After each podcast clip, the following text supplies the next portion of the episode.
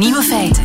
Dag, dit is de podcast van Nieuwe Feiten van dinsdag 13 maart, waarin we het verder niet zullen hebben over dit nieuwe feit. Als er een vacature komt en als ik dan ga schrijven, mag ik dan bij jou? De gezongen sollicitatiebrief, een primeur van Bouke Wolfrink, 31 jaar, uit Twente, Nederland en werkzoekend. Als er een gesprek komt waar ik goed uit de verf kom, mag ik dan bij jou? Na de zoveelste afwijzingsbrieven had Bouke zijn vriendin een gouden idee. Jij kunt toch zingen, man? Zet dan toch een zingend sollicitatiefilmpje op YouTube. En al dus geschieden. Mag ik dan bij jou werken? Met veel plezier en zin. Het lied is eh, niet in Dovermans oren gevallen. Bouke kreeg 60 reacties en vond werk als Human Resources consulent. De andere nieuwe feiten die zijn... De helft van de top 10 van de self-made miljardairsvrouwen is Chinees. Alle konijnen van Nieuw-Zeeland moeten dood. Iemand doet alsof hij u gefilmd heeft, kijkend naar porno. En tienerjongens sporten zich te pletter. Het middagjournaal komt van Said Boumazouge. Geniet ervan.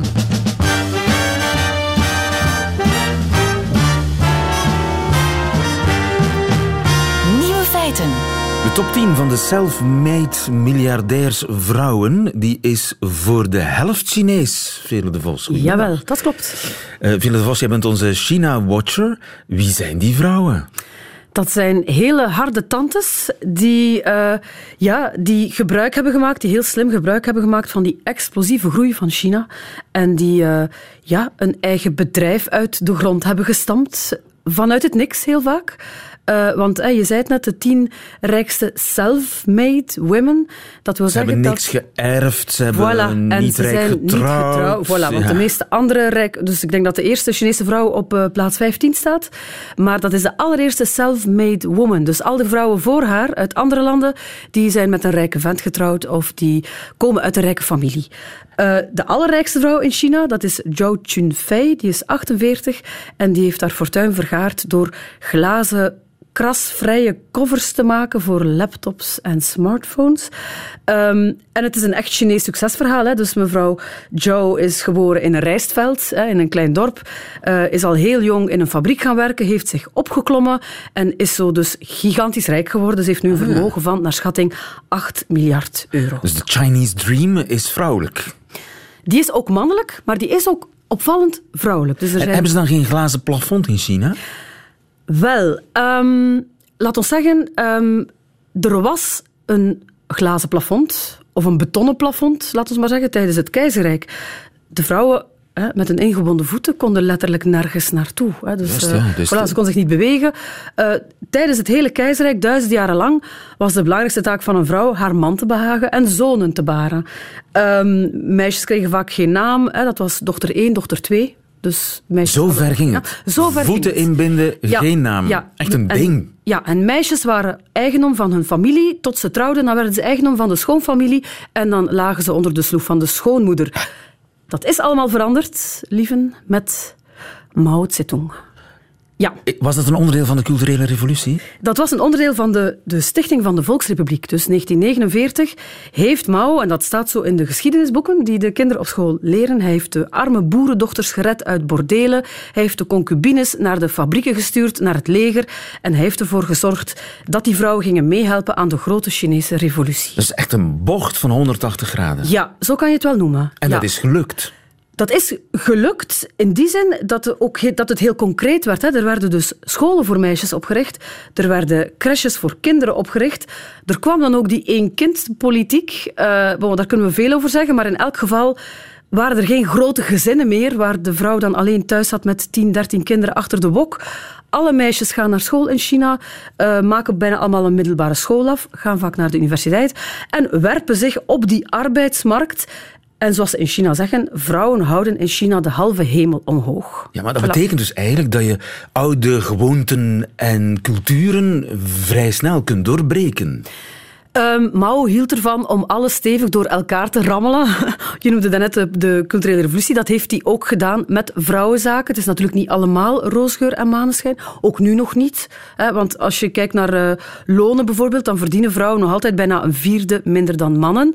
En ik weet niet of je de communistische partij hebt gezien de afgelopen dagen op televisie. Allemaal donkerblauwe dat pakken. Dat is een volledig mannenbastion. Dus, dus politiek bestaat nee. dat glazen plafond nog Absoluut. wel degelijk. Absoluut, ja. Dat is dus gek. Hoe, hoe, hoger je klimt in die top van de communistische partij, hoe meer mannen en helemaal bovenaan alleen maar mannen. Dus die acht uh, machtigste mannen van de Volksrepubliek sinds 1949 is daar nooit een vrouw tussen geweest. En in directiecomité's en raden van bestuur van bedrijven, zie je daar ook vrouwen? Daar zie je vrouwen, maar ook, ook minder. minder. Het is echt de, de harde tante die zelf ja. op haar eentje, zonder hulp... Ja, ja. en zo zijn er heel wat. Hè. Ik herinner me, ik heb in China gewoond. Je kon daar slaande ruzies mee maken op straat tussen mannen en vrouwen. Hè. Een man die met zijn fiets per ongeluk uh, een vrouw had aangeraakt waar die vrouw letterlijk bijna uh, de hele straat bij elkaar schreeuwde en die man dan bedremmeld aftrapte. Ja, ja. Als je naar Japan gaat bijvoorbeeld, ga je dat nooit uh, meemaken. Dus dat is misschien wel typisch Chinees dan toch. Chinese vrouwen hebben geleerd om uh, voor zichzelf op te komen. Dankjewel, Vele de Vos. Goedemiddag. Radio 1. Nieuwe feiten. In Nieuw-Zeeland willen ze alle konijnen uitroeien. Goedemiddag, professor Matthijssen. Ja, goeiedag. Erik Matthijssen, bioloog aan de Universiteit van Antwerpen. Wat hebben die konijnen misdaan? Wel, uh, ja, die konijnen die, uh, zijn niet inheems in Nieuw-Zeeland, ook niet in Australië. En die veroorzaken eigenlijk vooral schade aan landbouw. En wat die, voor schade uh, is dat dan? Ja, die konijnen zijn eigenlijk voedselconcurrenten. Dus die zitten op de graslanden waar men ehm, waar men, die men wil gebruiken voor uh, veeteelt natuurlijk, uh, schapen onder andere. En uh, die eten al het gras op, maar ook ze graven daar gaten in de grond. Ze veroorzaken eigenlijk erosie, dus het land wordt minder bruikbaar eigenlijk. Ja. En kan Nieuw-Zeeland slechter tegen konijnen dan de rest van de wereld? Ja, het probleem is dat uh, konijnen zijn niet inheems in Nieuw-Zeeland. En eigenlijk in Nieuw-Zeeland komen van nature quasi geen zoogdieren voor. Dus die konijnen zijn daar nooit geweest. Um, die hebben daar ook geen echte natuurlijke vijanden, geen predatoren, geen um, parasieten of ziektes. Uh, ja, dus die hebben zich daar um, redelijk ongebreideld kunnen uitbreiden. Ze kweken als konijnen natuurlijk, hè? Het, het woord zegt het al. En ja, uh, ja, Nieuw-Zeeland is natuurlijk een kwetsbaar ecosysteem. Uh, dus ja. die ja, geïmporteerde zoogdieren, die, uh, ja, die maken zeldzame vogels het moeilijk. Ja, dat is nu niet zozeer het geval met de konijnen op zich, maar ze spelen daar ook wel een rol in, omdat ze op, op hun beurt eigenlijk als prooi dienen voor katten, uh, wezels, bunzings en dergelijke. Ironisch genoeg zijn dat dieren die geïmporteerd zijn geweest in Nieuw-Zeeland en ook in Australië om de konijnenplaag binnen de perken te houden, maar die roofdieren zijn dan op hun beurt de echte inheemse soorten gaan, uh, gaan opeten. Ja. Dus dat is een deel van het konijnenprobleem. Ze houden eigenlijk ook andere uitheemse populaties in stand. Ja. Door gewoon als voedselbron te dienen. En uh, de Nieuw-Zeelanders die zijn dus met andere woorden al, al heel lang uh, bezig met een strijd tegen de konijnen. Ja. Wat hebben ze allemaal al geprobeerd? Ja, allerlei zaken. Hè. Dus uh, het, uh, het gebruik van, van gif uh, met lokka's, schieten uiteraard. er zijn streken waar men elk jaar, ja, het klinkt een beetje gruwelijk, maar waar ze met Pasen dus massaal konijnen gaan afschieten. De, de Easter Bunny Hunt is dat dan. maar dat zijn eigenlijk maatregelen die lokaal een beetje effect kunnen hebben, maar die men niet grootschalig kan toepassen. Er worden ook hekken gezet rond landbouwgronden, maar ja, dat is ook economisch moeilijk om te doen. Ja, en dus is men uh, op een bepaald moment begonnen met uh, ziektes te introduceren. Men heeft dat geprobeerd met de myxomatose, die wij in Europa ook kennen. En, en dat is niet gelukt? Uh, wel, dat is niet zo goed gelukt, maar in Australië bijvoorbeeld heeft de myxomatose wel tot een, een, een zekere afname van de konijnen geleid. Maar op Nieuw-Zeeland is dat minder goed gelukt. En dan twintig jaar geleden is men begonnen met een ander virus te introduceren. En wat men nu dit jaar gaat doen, is eigenlijk nog een nieuwere en, en betere, in termen van, van biologische controle, een betere variant van datzelfde virus uh, te introduceren. Dus men is daar eigenlijk al een hele tijd mee bezig. Ja, dan moet je dat op de een of andere manier toch introduceren. Dus steek je dat virus op, op voedsel of zo? Of, uh... Ja, ik denk dat het eigenlijk via lokaals wordt gedaan. Dus dat men eigenlijk lokaals gaat leggen en dan daarna het, uh, het lokaals eigenlijk gaat besmetten met het virus. Ja, ja, ja. En die konijnen die komen naar dat voedsel en die, uh, ja, die krijgen zo het virus binnen. Lokwortelen. En eenmaal in de populatie ja, dat klopt. Ja, ja, lokwortelen uh, worden ingezet tegen konijnen. En dat virus dat doodt alleen konijnen, geen maakt geen andere slachtoffers. Ja, daar is men wel heel zeker van, want dat is natuurlijk wel de eerste voorwaarde om zoiets uh, los te laten.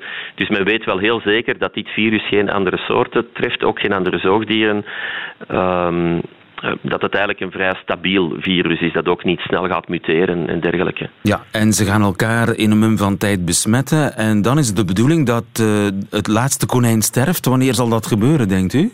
Uh, ik vrees dat dat uh, moeilijk is. In feite, uh, de, de verwachtingen zijn dat men 40 tot 50 procent van de aantallen gaat, gaat zien verdwijnen. Maar voor zover mij bekend is het niet de verwachting dat dit een uitroeiingscampagne wordt, maar dat men eigenlijk een soort nieuw evenwicht bereikt waarbij dat de aantallen permanent een heel stuk lager gaan blijven. Misschien dat men dan op termijn, als de populaties laag genoeg zijn, dat men met andere maatregelen ze definitief kan wegkrijgen. Maar uh, enkel met dat virus denk ik niet dat dat gaat lukken. Ja. Het blijft vreten, maar het kan niet anders. Ja, je wordt natuurlijk opgeroepen uh, vanuit verschillende hoeken of er geen meer humane manieren zijn om die konijnen weg te krijgen. Maar uiteindelijk, elke methode uh, zal zijn nadelen hebben. Ze gaan afschieten is natuurlijk qua dood voor die konijnen meer humaan. Maar uh, ja, er zijn ook enorme beperkingen aan. Uh, dat kan je maar op een beperkt aantal plaatsen doen. Dus eigenlijk een beetje dweilen met de kraan open. Ja, maar ze besmetten met een dodelijke ziekte, is dat geen uh, ja, vreedheid? Gaat daar geen dierenleed mee gepaard? Ja, ongetwijfeld wel. Dat is een afweging die men, uh, die men moet maken, die men ginds ongetwijfeld heeft gemaakt. dat dit ja, dat de, de, schade die ze veroorzaken, zowel aan de landbouw, aan de economie als aan het ecosysteem, dat die daar voldoende tegen opweegt. Ja. Maar het is inderdaad geen lichtvaardige afweging die men kan maken. Absoluut niet. Dankjewel, professor Matthijssen. Goedemiddag. Ja, graag gedaan. Radio 1. Nieuwe feiten. Meer en meer tienerjongens die sporten zich te pletter. Peter Hespel, goedemiddag. Goedemiddag. Het gaat niet om zwemmen, hardlopen, fietsen. Dat is niet wat die tienerjongens doen. Nee, het gaat om krachttraining. Ja, blijkt inderdaad zo te zijn, omdat er een enorme trend is dat uh, jongeren liefst zo vroeg mogelijk aan een sixpack moeten geraken. En daar zijn uiteraard wel wat vragen bij te stellen. Ja, dus niet alleen meisjes van 16, maar ook jongens van 16 liggen wakker van hun lijf tegenwoordig. Ja, en uh, meer en meer blijkbaar. En, uh, het foute daaraan is dat eigenlijk krachttraining gebruikt wordt op een verkeerde manier. In die zin dat dat enkel maar moet dienen om de uitstraling van de buik te gaan verbeteren met een sixpack. Terwijl eigenlijk een goede krachttraining bij jongeren andere doelen moet na nastreven. Met name de bewegelijkheid verbeteren, de houding, ook de sterkte van de botten verbeteren. Dus men, men legt de focus totaal verkeerd. Ja, dus die, die jongeren willen een Matthias Schoenaerts lijf en die gaan dan zo snel mogelijk uh, aan de slag met gewichten en daar kan van alles fout mee gaan. Ja, dat is zo. Uh, niks verkeerd met krachttraining, uh, tenzij men dat op een verkeerde manier gaat doen. En bij jongeren moet men dat zeer geleidelijk gaan opbouwen. En dat kan van op jonge leeftijd met oefeningen met het eigen lichaamsgewicht en dan met lichte gewichten, vooral technisch proberen de oefeningen onder de knie te krijgen. En als u dat vanaf de leeftijd van 8 tot 16 jaar doet, na de puberteit of iets later zelfs, dan is daar niks fout mee. Maar als men nog nooit krachttraining gedaan heeft en dan plots blijkt je om een sixpack te moeten werken en liefst zo snel mogelijk, dan kan het zijn dat je eigenlijk nooit de techniek onder de knie gekregen hebt om die oefeningen goed te doen. En dan vraag je om problemen. Maar buikspieroefeningen, kun je daarin overdrijven? Alles wat met uh, krachttraining te maken heeft en met sport kan je overdrijven. Ook met lopen kan je overdrijven, met fietsen. En het wordt zeker gevaarlijk wanneer je met grote gewichten gaat werken en zeker met losse gewichten, omdat je dan rugkwetsuren kan krijgen en je moet echt wel technisch heel sterk zijn en onder een zeer deskundige begeleiding werken om dit soort oefeningen goed te kunnen doen. Dus uh, als je dat doet zonder goede begeleiding is het ronduit gevaarlijk en zeker voor jongeren. En zeker voor jongeren omdat dat lichaam nog niet uh, volgroeid is, dat kan nog allemaal scheef groeien. Ja, nee, dat, dat, valt eigenlijk wel best mee hoor. Omdat er, er is zo'n mythe dat krachttraining as such voor kinderen en jongeren gevaarlijk zou zijn. Maar als dat op een goede manier gebeurt, valt dat eigenlijk wel mee en is dat niet gevaarlijk. Het probleem ontstaat wanneer je niet de juiste vooropleiding daarin hebt en niet op jonge leeftijd met lichte gewichtjes begonnen bent, technisch perfect, en je dan plots met zware gewichten gaat beginnen. Dat is eigenlijk absoluut uit een boos. Ja, want dan scheur je je gewrichten kapot. Oh, als, je de, als je het echt gaat opzoeken, ja. En uh, vooral rug, rugkwetsuren liggen dan eigenlijk uh, om de hoek te gluren. Dus je moet, je moet, toch wel zeer voorzichtig omgaan met krachttraining met grote gewichten en zeker losse gewichten. Ja, ja, en dan gaat het niet zozeer om buikspieroefeningen, maar dan gaat het echt om ja, je, je, je schouderspieren trainen, je borstspieren trainen, je rugspieren trainen. En, en daar de verkeerde houding in gebruiken, of te zware gewichten, of, of onevenwichtig gaan trainen, zodanig dat je helemaal ja, je, je lijf zo, verknalt. De, de sixpack die legt eigenlijk de focus volledig op de buikspier, waardoor jongeren waarschijnlijk geneigd gaan zijn om vooral op die buikspieren te werken. En die moeten uiteraard getraind worden. Maar je moet een volledig pakket van oefeningen gaan doen op je, om je lichaam op een evenwichtige manier te ontwikkelen. En dan moet je rug, buik, schouder, benen, armen enzovoort. En je moet dat progressief opbouwen. Dus zeker niet alleen de buikspier. Je mag nooit alleen maar één spiergroep willen trainen, want dan trekt je lichaam scheef. Uh, dat is een eenvoudige manier om het mogelijke probleem uit te drukken. Ja, zo zijn wij hè, van de radio. Ja. En het is een trend dat uh, jongens van 16 dat al willen doen. En zij zouden eigenlijk uh, daar beter voorzichtig in zijn. Het kan wel, mits professionele begeleiding.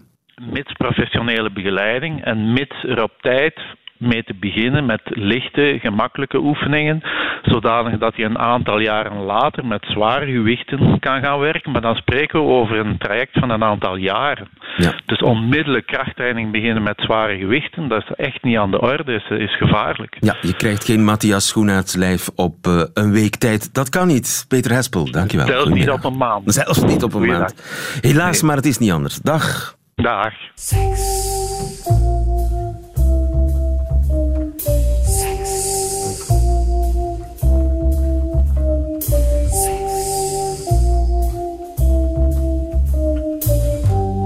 Feiten. Het is niet verkeerd om jezelf te bevredigen, maar als je naasten ervan getuigen zijn, is dat natuurlijk een grote schande. Zo begint een mail die Joost Schellevis kreeg. Goedemiddag, Joost. Goedemiddag. Je bent de NOS-journalist die onthulde dat er in een sporthal in Gent een voyeur actief was. Waarvoor van harte gefeliciteerd, uiteraard. Ja, bedankt. Maar dat heeft hier niks mee te maken. Je krijgt op een gegeven moment een mail die op deze schokkende wijze begint. Dat is uh, schrikken. Ja, het gaat eigenlijk verder met dat, je, dat er beelden zijn gemaakt van dat je een pornosite bezocht en inderdaad jezelf bevredigde. En um, de, de hacker, zoals hij zichzelf noemt, die dreigt die beelden openbaar te maken, tenzij je 500 euro aan bitcoin betaalt. Dus die hacker beweert dat hij beelden heeft gemaakt via jouw gehackte webcam? Ja. Beelden van jou terwijl je je bevredigt, terwijl je naar porno kijkt? Exact, ja. En daar claimt hij dan een filmpje van te hebben gemaakt. En dat, uh, ja... Dat een filmpje van zowel de beelden die je bekijkt... Ja, ja. Als van jou terwijl je jezelf beroert. Ja, exact. Ja. ja. Jeetje, en heb je een moment gedacht, dit zou waar kunnen zijn? Nee, eigenlijk niet. Ik, eigenlijk begon direct een alarmbel te rinkelen van dit is uh, oplichting. Uh, en dat bleek ook zo te zijn uiteraard. Kijk, ik denk sowieso als dit al echt was geweest, als, als, als ik dit zelf had gedaan, had ik er bewijs bij gedaan. Van kijk, ik heb je op camera, uh, betalen vriend. Maar ja, dat zat er niet bij. En het, ja, dit is natuurlijk gewoon nep. En ik, ik, heb het toen getwitterd en toen bleken meer mensen dit inderdaad te hebben. We hebben in Nederland een fraude helpdesk. Uh, waar je terecht kunt met vragen over internetfraude. En die bleken ook al vaker meldingen hiervan te hebben gehad. Dus het is een phishing mail die wel bij veel mensen binnenvalt en die voor veel paniek zal zorgen natuurlijk. Ja, dus daarom hebben we er ook direct maar een berichtje over geschreven. Uh, ik heb mezelf inmiddels ook twee keer gehad op uh, twee verschillende e-mailadressen.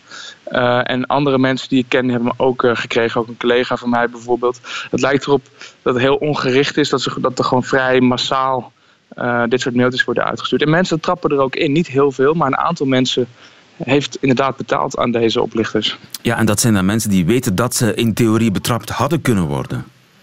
Ja, dat zijn dan toch mensen die denken van wow, ik kijk wel eens porno. Uh, ja, ik, uh, ik heb een webcam op mijn laptop nou, ik betaal maar. Dus dat, ja, ik moet zeggen, er zijn dus niet heel veel mensen ingetrapt. Je kunt, omdat uh, het, het, om bitcoin gaat, kun je achterhalen hoeveel mensen geld hebben overgemaakt. En dat zijn er rond de vier mensen die echt hebben betaald. Dus het valt ja, op zich ja, wel het mee. valt op zich mensen... wel mee. Maar in theorie is het mogelijk dat iemand mijn webcam hackt. Daar sta ik niet altijd bij stil natuurlijk. Ja, dat is in theorie uh, zeker mogelijk.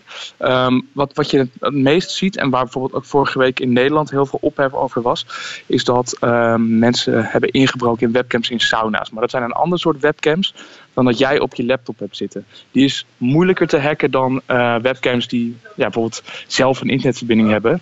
Maar ook zeker niet onmogelijk. Ja, ja. Alleen iemand moet dan echt inbreken op jouw computer uh, ja, en, en die beelden aftappen. En dat kan wel als je bijvoorbeeld een, een Trojan installeert, een virus. Ja, maar het zou wel eens kunnen te maken hebben met het feit dat jij de laatste tijd voor je werk op heel veel loesje sites bent gaan kijken. Nou, dat weet ik niet, want ik denk dat dit, dit is wel vrij massaal. Hoor. En ook collega's van mij die minder met uh, dit soort dingen doen, hebben me ook gehad. Uh, wat, ik, wat ik denk dat aan de hand is, is dat iemand een datalek heeft gedownload. Want die, die, die, circuleren in principe vrijelijk rond in het uh, wereldje. Uh, en gewoon alle e-mailadressen die eindigen op .nl een mailtje heeft gestuurd. Alle e-mailadressen die daarin voorkomen. want ook in het mailtje zie je ook dat, dat, dat ja, bijvoorbeeld mijn naam begint dan niet met een hoofdletter, maar gewoon met een kleine letter.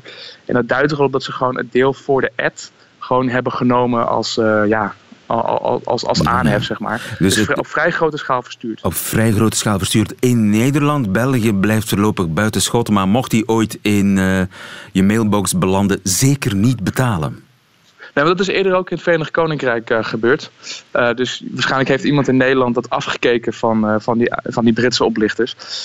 dus ja, het is ook niet uit te sluiten dat iemand dat in België inderdaad gaat, ja. gaat doen. En maar betalen inderdaad niet doen. en inspelen op mensen hun schaamte is natuurlijk de oudste truc uit het boek. Dankjewel Joost, goedemiddag. Goeiedag. Nieuwe feiten. Middagjournaal. Ik zie je rondlopen. In de straten. Dansen in de nacht. Jij met je maten, je vrienden, je kleine wolven, je drerries. Samen plezier in de nacht. Een fluo trainingspak. Als wolvenvacht. En pas naar huis wanneer je ziet zonder kracht. Mijn kleine wolf de straat belt je. Vergeet jij je schooltest niet? Je wilt toch een astronaut zijn? Een ingenieur? Een ondernemer? Of niet? Je waart toch zeker van je zaak? We zullen wel zien.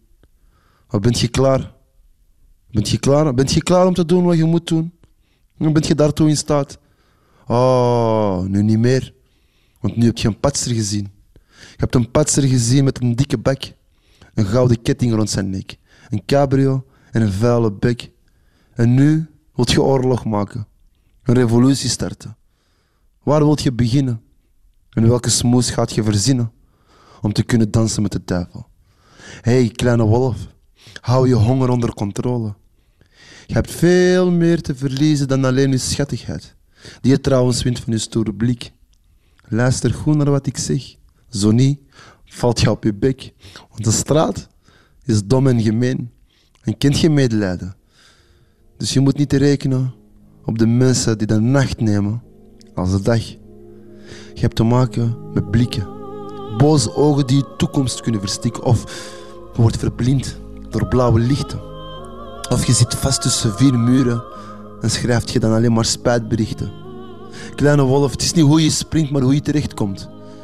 En de dag dat je klaar staat, mijn kleine wolf, zwemt je als een prins onder de haaien. Verander je nederlaag in een overwinning. Ontplooi je talent en kom tot bezinning. En wordt iemand die een verhaal kan vertellen. Het zal niet meer lang duren, kleine wolf. Jij weet. Nog even, kleine wolf. Jij weet. Kleine wolf, jij weet.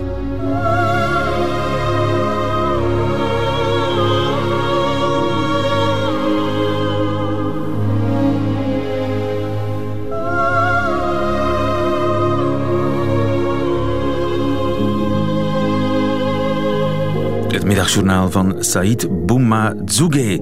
Meteen het einde van deze podcast van Nieuwe Feiten. U vindt u nog veel meer op radio1.be en op de gebruikelijke podcastkanalen. Tot nog een keer.